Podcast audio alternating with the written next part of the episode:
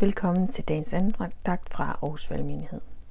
Vi skal i dag fortsætte læsningen, og vi er i dag nået til Markus kapitel 8, vers 14-21, og der står sådan her.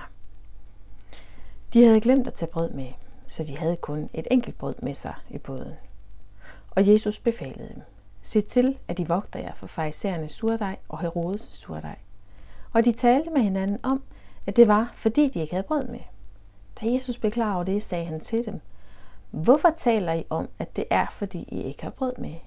Kan I endnu ikke fatte eller forstå? Er jeres hjerter så forhærdet? Kan I ikke se, skønt I har øjne? Kan I ikke høre, skønt I har ører? Husker I ikke, da jeg brød de fem brød til de fem tusind? Hvor mange kurve fulde af stykker, da I da samlede? 12, svarede de. Eller dengang med de syv brød til de 4.000, hvor mange kurve fulde af stykker I da samlede? Syv, svarede de. Og han sagde til dem, forstår I endnu ikke?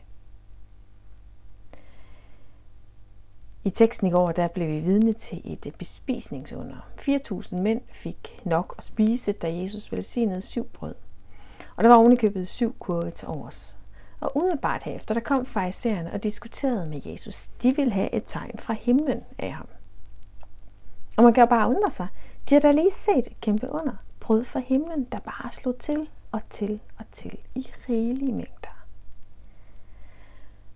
Men det så til, at Jesus han så fik nok af deres endeløse diskussioner. Han hoppede ombord i en båd og sejlede afsted. Og her, det er så her, vi møder Jesus i dag. Midt faktisk i endnu en diskussion, hvor disciplene prøver at finde ud af, hvem der i virkeligheden havde glemt madpakkerne. For de havde kun fået et brød med i båden. Et brød til 13 personer. Men må ikke det skulle kunne række, når Jesus lige havde spist 4.000 personer med syv brød. Jesus var jo sådan set også med i båden. Og Jesus han udfordrer dem. Lad nu være med at blive som farisæerne. Lad ikke den surdej, som de er gennemsyret af, gennemsyre jer, jeres liv og jeres syn på mig. Men hvad var det så, farisæerne var gennemsyret af? Hvad var det, der havde bredt sig og nu gav smag til det hele? Det var en surdej af vantro og blindhed. For til trods for tegn og under, så var der kun vantro og blindhed hos fejserne. At så mange mennesker lige var blevet mættet, det skabte ikke tro.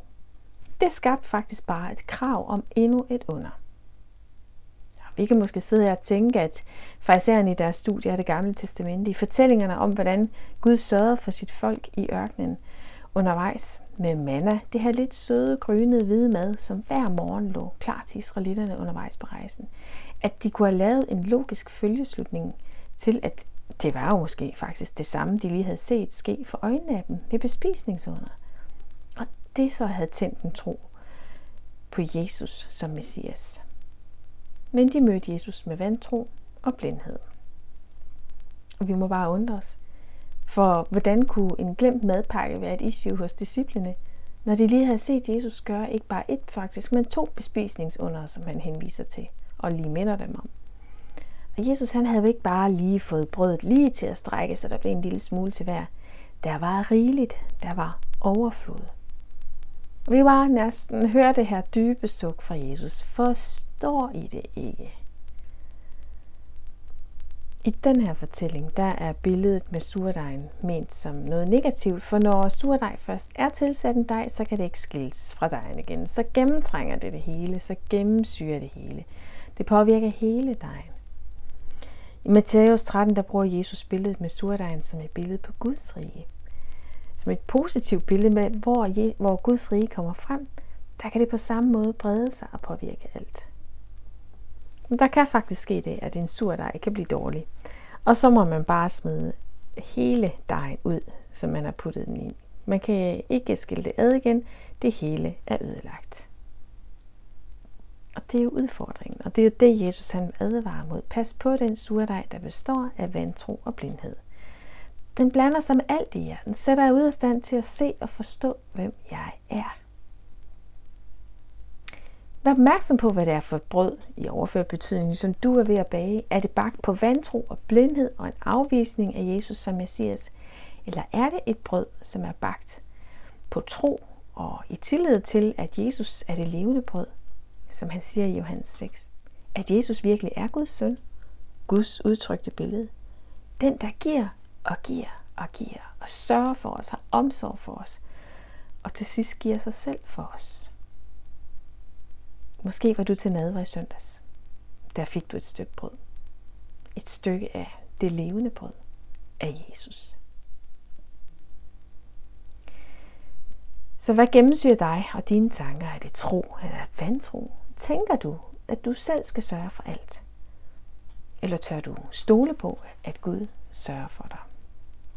Lad os bede sammen. Jesus, tak, at du er det levende brød, som kom ned fra himlen til os.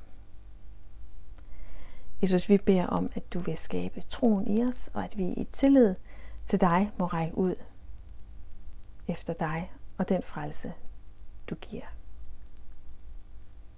Amen.